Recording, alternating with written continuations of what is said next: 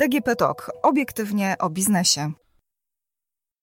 Dzień dobry, witam serdecznie. Agnieszka Gorczyca, Infor.pl. To kolejny odcinek podcastu dla przedsiębiorców obiektywnie o biznesie Moja Firma. A dziś o tym, jak szukać odpowiedniej działki pod wymarzony dom. A może w ogóle tego domu nie budować, tylko od razu taką działkę sprzedać i zarobić. Gościem w studio jest Kuba Karliński, inwestor i ekspert od pomnażania pieniędzy na nieruchomościach, a także autor książki Zarabiajmy na nieruchomościach i założyciel firmy Macmillan. Dzień dobry, cześć. Cześć, dzień dobry. Kuba, jak widzieliśmy się ostatnio, to zastanawialiśmy się, jak rynek nieruchomości zareaguje na sytuację pandemiczną, czy będą spadki, czy może kosmiczne e, wzrosty. Jak pandemia przez ten rok e, zmieniła ten sektor? Ona się nałożyła na inne zjawiska, które widzimy i tak jak się spodziewałem, to ceny bardzo mocno wzrosły. Wzrosły ceny nieruchomości zarówno tych y, w mieście, w sensie mieszkań, e, gruntów w miastach, y, wzrosły również ceny gruntów poza miastami szału na nieruchomości wakacyjne, e, weekendowe w takich miejscowościach turystycznych i poza miastami e, również ma miejsce. Tak jak rozmawialiśmy poprzednio, tak e, ten trend jest nasilony. To, co widzimy wraz z końcem zimy i rozpoczęciem wiosny, no, telefony znowu się namurywają i E, i jakby klienci szukają e, zarówno domów z ogródkiem, jak i szukają działek. Po prostu chcą mieć e, z jednej strony jakieś takie swoje miejsce, żeby móc odpocząć nie niepokojeni przez nikogo, przez żadne ograniczenia wprowadzane kwarantanny, lockdowny i tym podobne. Z drugiej strony coraz więcej osób zdaje sobie sprawę z tego, że pieniądze leżące w banku po prostu tracą na wartości każdego dnia. A jeszcze za chwilę będziemy dopłacać do tego, że te pieniądze w tych bankach Już dopłacamy. Już dopłacamy, tak naprawdę. Na razie robimy to przez inflację, która oficjalnie tam jest w okolicach chyba 4,5 czy 5%, natomiast realnie pewnie więcej i to znacznie więcej. E, natomiast ujemne oprocentowanie na lokatach, e, czy też środków po prostu zgromadzonych na rachunkach ma szansę wejść w życie, no i wtedy już nawet osoby, które zupełnie nie są zorientowane, nie zaglądają do swojego konta bankowego, będą czarno na białym po prostu widziały, że trzymanie pieniędzy w banku w ogóle nie ma żadnego sensu. No widzisz, a wydawać by się mogło, że w sytuacji, e, kiedy jest pandemia, czasy są niepewne, niepewna jest sytuacja z pracą zawodowa, raczej ostrożnie będziemy wydawać. A tymczasem Mówisz, że klientów e, nie brakuje, ludzie dopytują się zarówno o mieszkania, o działki. I robią to właśnie z ostrożności, dlatego że rynek jakby działa cyklicznie i to nie jest tajemnica żadna, natomiast różne wydarzenia wpływają na to, kiedy te cykle się zaczynają, kończą i jak, w jaki sposób przebiegają. E, nieruchomości to jest, e, to, to, jest, takie bezpie, to jest taka bezpieczna przystań i to jest ten rodzaj aktywów, który jest jednym z najbezpieczniejszych, ale nie najbezpieczniejszym w ogóle ze wszystkich. I teraz właśnie ze względu na bezpieczeństwo i zabezpieczenie siebie, swoich najbliższych e, i, i przyszłości, ludzie bardzo racjonalnie kupują nieruchomości. W pewnym momencie oczywiście ten popyt e, generuje tak wysokie ceny i niemal licytacje e, na konkretne na przykład nieruchomości, które są dziś wystawiane na sprzedaż w niższej cenie, i w pewnym momencie oczywiście przychodzi taki e, moment otrzeźwienia. Dla niektórych, dla innych nie. Na zasadzie, Jak to, ile zapłaciłam? Czy, czy to tak? w ogóle warto mhm. taką cenę płacić, czy nie? No i właśnie, e, warto czy nie warto? No i to za każdym razem odpowiedź e, jest indywidualnie dopasowana i zależy od e, sytuacji konkretnego każdego kupującego i zależy od konkretnej indywidualnej nieruchomości. Dlatego, że e, za tą samą cenę za jedną nieruchomość warto tyle zapłacić, natomiast w innym wypadku można, można dojść do wniosku, że nie warto. I tutaj ja mam, mogę podpowiedzieć kilka różnych sposobów, czy ścieżek, czy pytań, które sobie warto zadać. Natomiast mm, indywidualnie każda nieruchomość i każdy kupujący, czy każdy zainteresowany musi sam sobie odpowiedzieć z jego perspektywy, czy warto, czy nie warto. No i przede wszystkim, jaki jest cel, tak? Bo inny cel mamy w przypadku, kiedy chcemy inwestować, a inaczej, jeżeli szukamy na przykład działki na wypoczynek. Znaczy, cel inwestycji czy cel zakupu to jest jedno z kluczowych pytań, właśnie takich, które sobie zadać. Po co mi w ogóle ta nieruchomość, po co mi ta działka, po co mi to mieszkanie, po co mi ten lokal? E, czy ja chcę w nim mieszkać, czy ja chcę mieć tutaj zabezpieczony kapitał, czy ja jeszcze jakiś inny cel mam z tyłu głowy? E, drugie pytanie, które jest bardzo ważne, to na jaki okres ja chcę zainwestować? Czy interesuje mnie inwestycja taka, żebym po prostu nie tracił pieniędzy na rachunku bankowym i w razie potrzeby, żebym mógł e, spieniężyć taką nieruchomość szybko? czy interesuje mnie inwestycja na przykład na 10 lat albo na 20 lat i te pieniądze nie będą mi w ogóle potrzebne, chcę sobie zabezpieczyć je w dłuższym terminie i wtedy stać mnie na to, żeby kupić coś, co w krótkim okresie no niespecjalnie będzie atrakcyjne i możliwe do sprzedania, ale w długim okresie raczej na pewno y, na tym zarobię. Ziemia na przykład rolna w taka większym kawałku, albo w ogóle ziemia w, dalej trochę od miasta, to jest bardzo dobry, e, to jest bardzo dobry przykład, dlatego że to jest inwestycja z definicji długoterminowa i taki horyzont właśnie bardziej dziesięcioletni, e, tutaj trzeba brać pod uwagę, bardziej nawet niż 3 albo 5-letni. Oczywiście można kupić działki mniejsze w bardziej zurbanizowanej okolicy trochę drożej dzisiaj i za, jak się wstrzelimy w odpowiedni moment, to za 3 lata na przykład, czy za 5 lat można je sprzedać znacznie drożej.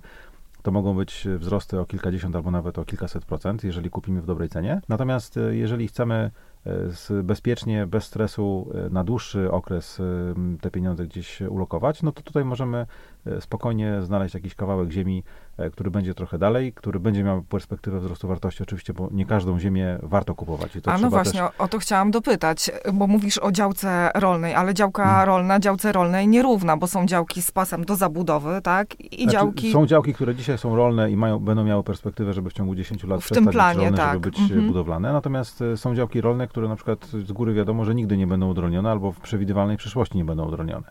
E, piszę o tym zdecydowanie więcej w książce Zarabiajmy na nieruchomościach, e, natomiast do której lektury oczywiście zapraszam. Natomiast dla przykładu e, działki, których rolne, na, gdzie nie ma co liczyć na zwiększenie, na zwiększenie czy na wzrost ceny, to są takie działki, które na przykład mają bardzo dobrą klasę ziemi. Klasa pierwsza, klasa druga, klasa trzecia to są takie klasy, które o ile nie ma tam planu miejscowego, który mówi dzisiaj, że to jest grunt budowlany, to w e, najbliższej przyszłości, o ile nie jest gdzieś blisko jakiejś miejscowości e, i w jakichś strategicznych e, lokalizacjach, to to jest grunt, na którym raczej nie wybudujemy, dlatego że te grunty są chronione, one są przeznaczone pod uprawy i dla rolnika ten grunt będzie warty. Natomiast no, ziemia rolna po wprowadzeniu ograniczeń w obrocie w 2012 roku te ceny bardzo mocno spadły i ten rynek tak naprawdę no, on jest ledwo żywy i rolnicy jak kupują, sprzedają zazwyczaj w okolicach Warszawy, to mówimy o cenach 5, y, 10, maksimum pewnie 15 zł za metr kwadratowy. I dopóki ta ziemia nie stanie się y, budowlana, to te ceny raczej nie będą rosły. No dobrze, ale jeżeli kupujemy taką działkę rolną, to z myślą jaką? Że, że co, będziemy tam coś uprawiać na przykładowo na tym hektarze, czy lepiej opłaca się dzierżawa? Znaczy tak, jeżeli... No bo coś musisz z tą ziemią zrobić. No, no. właśnie nie. Ziemia po prostu no, może leżeć. Przez 10 lat zakładając taką działkę rolną, no to po prostu tam jest ugór w pewnym momencie. Ktoś musi to obrabiać, żeby... Optymalnie jest, żeby mhm. oczywiście działka nie zarastała, bo y, przez po kilku latach potrafią tam wyrosnąć jakieś drzewka, potem się robią z tego drzewa, potem jest problem, żeby to oczyścić. Zdecydowanie lepiej jest y, znaleźć jakiegoś na przykład lokalnego rolnika, który byłby zainteresowany dzierżawą. Mhm. Niech on sobie uprawia, niech sobie zbierze i e, sprzeda te plony i, i na nich zarobi.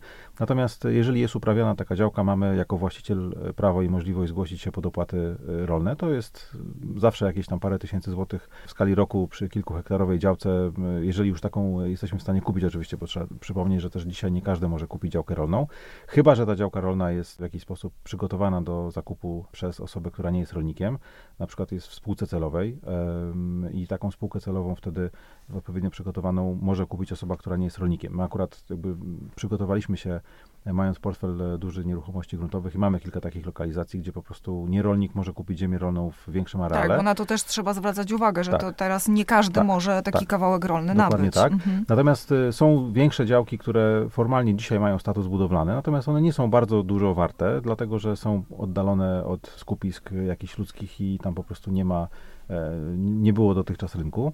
Natomiast w perspektywie kilkuletniej one mogą zwiększyć swoją wartość, e, natomiast no, trzeba mieć na to za każdym razem konkretny jakiś pomysł. Mhm. Trzeba z góry też przewidzieć, że jeżeli na przykład chcemy działkę na jakimś odludziu, e, przykładowo jeżeli to jest teren zalewowy, też raczej nie mamy co liczyć na to, żeby ktoś to odronił. Mówię o tym, bo jakby znane są przypadki dużych połaci terenów, które były Sprzedawanych za grosze. Sprzedawane tak. za grosze. Wiele osób e, się na to w jakiś tam sposób skusiło, e, a potem się dziwili, że no niestety tutaj nic nie można wybudować. No jak jest teren zalewowy, zazwyczaj nie można nic wybudować mhm. E, I, i to jest jeden z tych parametrów, które po prostu trzeba wziąć pod uwagę. Jeżeli jest w jakiś sposób możliwość doprowadzenia mediów, to tak w sensie energii elektrycznej, wody, wody czy też nawet wykopania studni, no to taka działka rokuje. I wtedy można się pokusić nawet o to, żeby jakąś działkę nawet rekreacyjną sobie po prostu z tego zrobić, kosić trawę kilka razy w roku, żeby nie zarastały chaszcze, tylko żeby było jakoś ładnie zielono. I można spokojnie na tym tylko tą ziemię po prostu trzymać. Tutaj ona jeść nie woła, podatki, płaty nie są wysokie, a tak naprawdę to, co jest najważniejsze, to jest to, że y, ziemia, czy właściwie nieruchomości, a szczególnie ziemia, e, one będą e, broniły y, swoją, chroniły swoją wartość w długim okresie e, i są po prostu bardzo dobrze zabezpieczone przed inflacją. Czy taką działkę kupować tylko i wyłącznie za gotówkę, czy warto się tutaj posiłkować kredytem, jeżeli mówimy o inwestycji? Ja zdecydowanie odradzam kupowanie tak nieruchomości tak inwestycyjnych na kredyt. To A jest, dlaczego? Trzeba być e, świadomym tego, jakie są potencjalne skutki e, tego, że na przykład e, utracimy źródło dochodu podstawowe i nagle się okaże, że mamy problem ze spłatą kredytu rat kredytu. E, jest to sytuacja, której e, nikomu nie życzę, natomiast one się zdarzają, bo jeżeli prowadzimy biznes, e, ten biznes może przestać funkcjonować i nie tylko ze względu na takie drastyczne ograniczenia typu zamykamy wszystkie restauracje i, i konkretne całe branże, jak obserwujemy w ostatnim czasie, ale po prostu może coś się zadziać takiego, że firma przestanie przynosić dochody. Jeżeli pracujemy gdzieś na umowie o pracę, to po prostu możemy tą pracę stracić albo z niej zrezygnować i nagle się okazuje, że nie mamy dochodu i dlatego kupowanie inwestycyjne długoterminowych nieruchomości, które nie generują same dochodu, szczególnie, bardzo e, zalecam daleko idącą ostrożność i kredyt, e, jeżeli ktoś chce brać, tylko i wyłącznie w sytuacji takiej, gdzie naprawdę ma świadomość tego, co robi, z jednej strony, i z drugiej strony ma możliwość e, z innego źródła w razie potrzeby ten kredyt spłacić, jeżeli się zdarzy tak, że po prostu e, straci swój podstawowy dochód. No, tym bardziej, że wakacje kredytowe też nie trwają cały rok. E, znaczy, wakacje kredytowe to jest e, miła wisienka na torcie. Wiadomo, że bank udziela kredytu po to, żeby na nim zarobić. E, I jeżeli się pojawi opcja czy okazja do tego, żeby klienta zwindykować e, i coś więcej zarobić na sprzedaży nieruchomości, która stanowi zabezpieczenie, tej, która jest kupowana bardzo często jeszcze innej, to bank oczywiście z niej skorzysta, bo to jest po prostu biznes. W sytuacji takiej, gdzie banki utraciły swoje źródła dochodów z produktów tradycyjnych, tradycyjnych, no bo stopy procentowe e, na poziomie bliskim zera to to, to jest jakby skutek dla banków e, wiadomy. I nie zanosi się, żeby były wyższe? Nie, nie, nie, nie raczej też się nie spodziewam. E, w związku z czym e, gdzieś e, tego zarobku trzeba szukać. Więc jeżeli ktoś chce kupić jakąś działkę, na przykład, nie wiem, rekreacyjną dla siebie, czy taką, żeby wybudować na niej dom dzisiaj, czy w jakiejś perspektywie, czy taką, żeby ulokować kapitał, zdecydowanie polecam lokowanie pieniędzy, które mamy i sen spokojny, a nie sen niespokojny, który będzie spowodowane tym, jeżeli gdzieś będziemy mieli turbulencje z, z przychodami. No to teraz porozmawiajmy o pieniądzach, ile to kosztuje, na jakie wydatki możemy się przygotować, jeżeli mówimy o, mm, o cenach działek. To jest bardzo dobre pytanie. I, i bardzo szerokie, tak Bardzo myślę. szerokie no. i tak naprawdę nie ma na nie jednej konkretnej dobrej odpowiedzi, dlatego że mm. mm. na cenę działki wpływa y, może nie milion, ale przynajmniej grube kilkadziesiąt y, różnych czynników y, i oczywiście podstawowy, najważniejszy i absolutnie podstawowy, jakby taki klucz, pierwszoplanowy tak. klucz, to jest lokalizacja, gdzie ta działka się znajduje.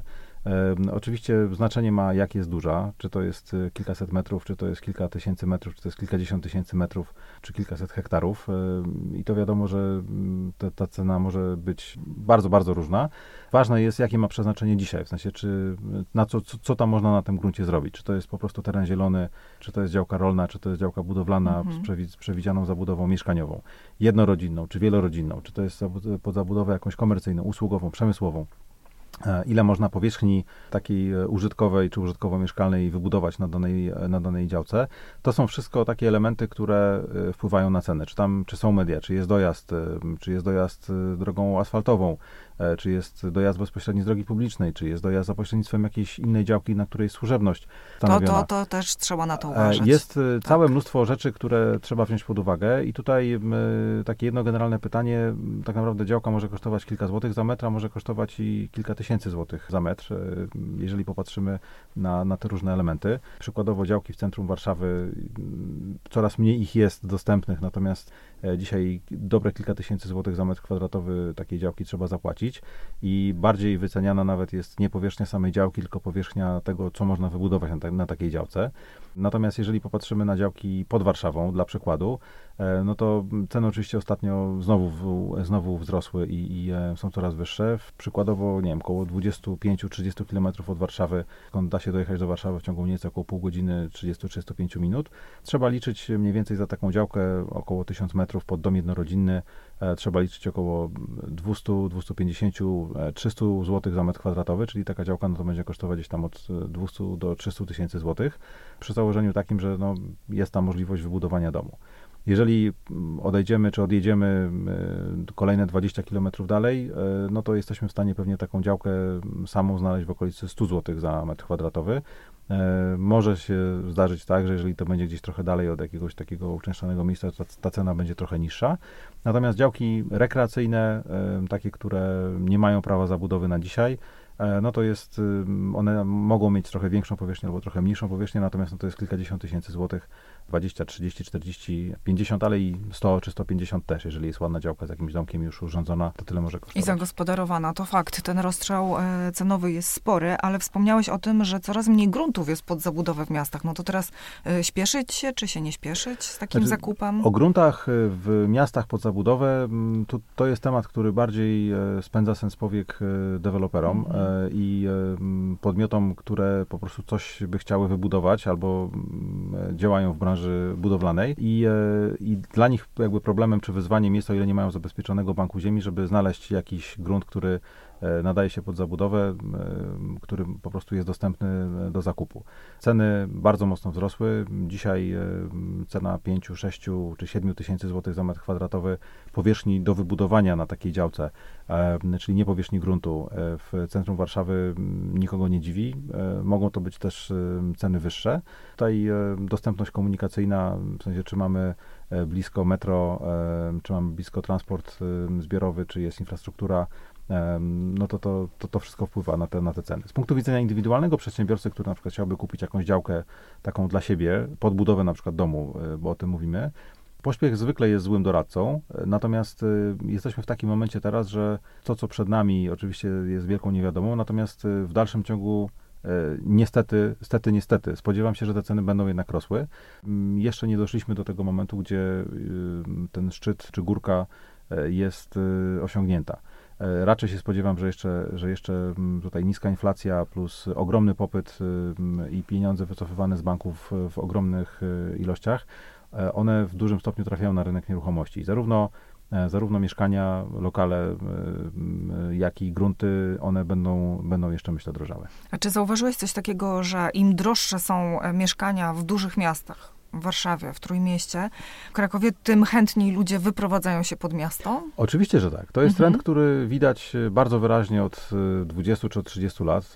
Tak jak analizowaliśmy kiedyś dane z Głównego Urzędu Statystycznego dotyczące salda migracji E, czyli e, sumowane dane, ile osób się wprowadziło, ile osób się wyprowadziło z terenu danej gminy czy danego powiatu, to e, bardzo wyraźnie widać trend, w którym z centrów miast, z dużych miast, szczególnie z dużych miast wojewódzkich, ludzie wyprowadzają się na tereny podmiejskie. I im większe, im wyższe są ceny mieszkań w miastach, weźmiemy tu Warszawę jako przykład, natomiast to działa absolutnie w każdym dużym mieście, szczególnie w mieście wojewódzkim, no to im droższe są mieszkania, tym, tym tak naprawdę bardziej opłaca się kupić działkę i wybudować dom, bo e, jeżeli weźmiemy przykładowo takie mieszkanie standardowe, załóżmy 50 metrów, e, dzisiaj w Warszawie trzeba zapłacić e, 13 tysięcy, czasami 15 tysięcy za takie mieszkanie. z metra? Z, za metr mhm. kwadratowy tak. oczywiście, więc mamy tak naprawdę 650-750 y, tysięcy. To mieszkanie będzie kosztuje, nas kosztowało, tak, tak. kosztuje takie mieszkanie. No dobra, no a policzmy teraz, teraz za tą cenę, mhm. Za tą cenę, jeżeli popatrzymy na to, co możemy, e, co możemy kupić, to E, przykładowo w podwarszawskich miejscowościach, takich, które albo graniczą z Warszawą, albo są w bardzo krótkim czasie dojazdu do Warszawy. I z dobrą komunikacją. E, I z dobrą komunikacją mhm. drogową i czasami też kolejową, mhm. czasami też e, autobusową. Za te same pieniądze spokojnie jesteśmy w stanie dzisiaj kupić dom. Może to nie będzie bardzo duża willa, ale e, dla przykładu mamy w Lesznowoli, e, jesteśmy na ukończeniu inwestycji deweloperskiej, gdzie budujemy osiedle 20 domów e, w zabudowie szeregowej, tuż przy lesie, 200 metrów od, od lasu i dom z własnym ogródkiem o powierzchni 134 metrów, wliczając w to garaż na dwa samochody, czyli mamy 110 metrów powierzchni takiej normalnej mieszkalnej, czyli ponad dwa razy więcej niż to 50-metrowe mieszkanie. Taki, do, taki dom kosztuje 700, trochę ponad 700 tysięcy. Związku z czym no mamy tak że naprawdę... ceny są porównywalne, ale ktoś E- powie, no dobrze, tylko że przy mieszkaniu tak naprawdę dużo rzeczy ze mnie spada, tak? Administracja, zajmowanie się tym terenem wokół. Ale jaka administracja jest przy domu? Nie ma żadnej. Tak naprawdę No ale masz ten teren. odchodzi nam koszt związany z opłatami czynszowymi za części wspólne, dlatego że w domu nie ma części No wspólnych. nie ma części w ogóle. wspólnych. No dobrze, E, tak. Nie ma administracji, bo ona nie jest potrzebna. E, tak naprawdę dochodzi nam No ale e, wszelkie dbanie, remonty, tak? Dbanie o ten Dochodzi budynek. dbanie o budynek, Mhm. oczywiście tak. I tutaj, e, jeżeli kupujemy, jeżeli sami budujemy, no to musimy mieć świadomość, że mm, nic nie trwa wiecznie i po prostu trzeba e, wiedzieć, że będzie konserwacja. E, Może mamy- jakiś remont, bo akurat nam w środku ściany działowe nie odpowiadają. Ten układ, który jest... To lepiej przemyśleć, zanim się wprowadzimy do takiego domu i e, zrobić go na etapie po prostu e, albo remontu, jeżeli kupujemy dom używany, albo na etapie dopasowywania go, jeżeli to jest zakup od dewelopera, niż potem robić remont, e, no bo mamy jakby nabywając na rynku e, pierwotnym, czyli od dewelopera, e, obejmuje, znaczy mamy gwarancję, mamy rękojmie, więc przez pierwsze kilka lat e, tak naprawdę te usterki, które się pojawiają, one nie powinny nas, nie powinna nas o to boleć głowa, dlatego że no, deweloper je ma obowiązek e, usunąć. Jeżeli e, budujemy we własnym zakresie, zazwyczaj firma, która buduje, przynajmniej na rok, czasami na dwa, w zależności od Oj, tego, jak wynegocjujemy. Z firmami Kuba jest. Z firmami jest bardzo źle No, zazwyczaj. Mamy Wiesz, doświadczenia. Mamy Jedna doświadc- firma poprawia drugą. Tak, i oczywiście potem jedni zepsują, drudzy zepsują i, i nawzajem się obciążają tym, Tak. czyja to jest wina. A, Więc płaci, a, a płacimy my, tak, jako właściciele. Oczywiście, że tak. Natomiast to jest kwestia też do, jakby w, do, do dopracowania. Jeżeli kupujemy akurat tutaj od dewelopera dom, wtedy deweloper tak naprawdę ma odpowiedzialność i wszystkie ekipy, nawet jeżeli to były jakieś ekipy podwykonawcze, e, finalnie to jest jakby jego obowiązek, żeby zadbać o to, żeby te usterki pousuwać. Co oczywiście też z punktu widzenia dewelopera, sam mam takie doświadczenia, nie zawsze łatwo jest e, ściągnąć ekipę, która coś robiła, żeby, żeby ponaprawiała. Jeżeli gdzieś tam są w innym miejscu w Polsce na przykład, e, nie są w stanie zrobić tego t- zawsze od ręki. Natomiast e, z punktu widzenia klienta, klienta o to głowa tak naprawdę nie boli. Mhm. E, Klienta boli głowa o to, żeby skosić trawę w ogródku albo w jakiś sposób zająć się tą częścią zieloną, której oczywiście w mieszkaniu nie ma, więc to jest jakiś tam dodatkowy element. Natomiast mamy własny trawnik, duży, mniejszy, natomiast taki, który, który po prostu pozwala nam odpocząć. To, czy chcemy sami budować dom, czy chcemy kupić gotowy dom od dewelopera, to też jest e, kwestia decyzji indywidualnej. Jeszcze niedawno bardzo trudno było znaleźć e, deweloperów, e, którzy budowali domy w taki sposób, że no, można było z góry przewidzieć, że to, co kupujemy, to potem to dostaniemy. Tą rzetelnością e, bywało bardzo różnie, natomiast dzisiaj jest zdecydowanie większa konkurencja, większa świadomość klientów i, no i generalnie też odpowiedzialność na deweloperze ciąży zdecydowanie większa, więc zdecydowanie łatwiej jest takiego dewelopera znaleźć, co nie zmienia faktu, że oczywiście trzeba zachować czujność, weryfikować i sprawdzać, no bo dalszym ciągu niestety w tej branży m, działa wiele firm, które m, no, po prostu żerują na, na naiwności i niewiedzy e, i potem niekoniecznie chcą się wywiązywać e, z, ze swoich zobowiązań. No i wiemy, jak to się kończy. A Kuba, powiedz jeszcze na koniec, e, skąd w ogóle są takie ceny w budownictwie? Dlatego, że drożyzna jest niesamowita. Budowlańcy windują ceny. Coś, e, co można było zrobić czy wybudować e, dwa lata temu, dziś w ogóle cena kilkukrotnie wyższa. Z czego te, te wzrosty wynikają? Czasami kilkukrotnie, czasami o grube kilkadziesiąt procent. Ym, Bardzo dobre pytanie i odpowiedź na to jest złożona, bo z jednej strony jakby na sprzedaż, w momencie kiedy mamy cenę sprzedaży dla, dla klienta, czy to będzie dom, czy to będzie mieszkanie, czy to będzie jakakolwiek inna, może zostaniemy przykładowo przy, przy takim domu, czy przy Mhm. mieszkaniu, Tak. to jest dobry przykład. Drożeje tak naprawdę wszystko i drożeją bardzo mocno. To, że wzrosną ceny, tak naprawdę w najmniejszym stopniu tutaj rosną marże. Marże deweloperskie bardzo mocno się skurczyły e, i tak jak kilka lat temu e, można było tak naprawdę, znaczy deweloperzy budowali z marżami, które potrafiły przekroczyć 100% m, albo 50% na, na konkretnym projekcie. Dzisiaj tak naprawdę można o tym zapomnieć. Chyba, że ktoś ma grunty kupione dawno, dawno temu za jakieś takie bardzo nieduże, symboliczne pieniądze. Jeżeli deweloper dzisiaj kupuje grunt e, i e, ma do wybudowania e, dom, to tak naprawdę w, jeżeli popatrzymy na to, co się wydarzyło w ciągu ostatniego roku, dwóch lat z cenami materiałów budowlanych, no to to jest po prostu istne szaleństwo. Po kolei wszystko podrożało i drożeje cały czas. Nawet teraz w ostatnich miesiącach, mówimy tutaj o pierwszych miesiącach e, m, e, 2021 roku, ceny konkretnych wybranych materiałów budowlanych potrafiły wzrosnąć z miesiąca na miesiąc, czy z tygodnia na tydzień nawet o 100%. Dokładnie. Był taki moment, że styropian tam 100 chyba, czy 110 zł kosztował za metr kwadratowy. Nagle kolejne zamówienie, nie, nie, trzeba zapłacić 230. Znaczy powiem ci Drożeje, tak, że... drożeje szkło, drożeje, Tak. drożeją okna w związku z tym. E, Drożeje kamień. Drożeje kamień, Mhm. e, drożeje beton. Są problemy e, tak naprawdę z dostaniem surowca. Jest ogromny, ogromny popyt, ogromne zapotrzebowanie na materiały. Jest problem z dostępnością półproduktów do produkcji materiałów budowlanych. No i potem przychodzi taka sytuacja, gdzie w, albo w fabryce, albo w hurtowni jest więcej chętnych do zakupu niż dostępnego towaru, no i się zaczyna licytacja.